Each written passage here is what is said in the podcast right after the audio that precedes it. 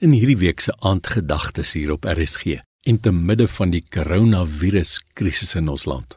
Kyk ons na 'n akroniem van die woord COVID-19. Ek wil vanaand kyk na die O van COVID. Die heel eerste woord wat by my opgekom het, is oorwinnaar of dan ook oorwinning. In 1 Korintiërs 15 vers 56 staan daar: Die angel van die dood is die sonde en die sonde kry sy krag uit die wet van God. Vers 57. Maar ons dank God dat hy aan ons die oorwinning gee deur ons Here Jesus Christus. Nog woorde wat met o begin van COVID is oorgee aan hom, opstaan in geloof, offer om onsself te offer as lewende offers aan die Here Jesus.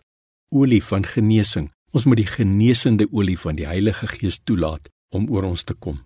Onderwysing. Ons moet toelaat dat die Here ons iets leer deur hierdie moeilike tyd in ons land. O staan ook vir ontferm of omgee. Dink 'n bietjie hoe voel dit vir ons om vir weke in ons huise vasgekluister te sit. Maar dink 'n bietjie vir 'n oomblik aan die mense wat alleen is, enkellopende mense wat vir week na week na week alleen ook nog in sy huis moet sit. Hy het nie eens iemand om mee te praat nie. Wat daarvan? Ons begin omgee vir iemand. Bel iemand. O staan ook vir oproep. Ons maak 'n oproep na iemand wat ons weet wat alleen is. Nie vir 'n preek of moed in praat of so nie, sommer net gesels.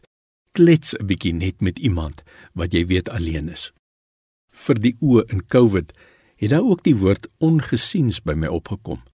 En ek glo die konteks hier is ons is almal so gefokus op COVID-19 en corona en ons is almal in ons huise en almal praat hieroor oor die ekonomie wat al hoe swakker word en die duister toekoms wat vir ons wag, terwyl ongesiens het paastyd by ons verbygegaan.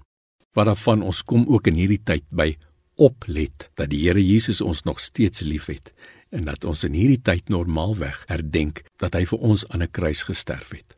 Is hierdie coronatyd nie ook dalk 'n goeie tyd om dit te oordink nie of dit dan opnuut onbaatsigtig, onbevrees oor te dra aan ander mense. Seën vir jou.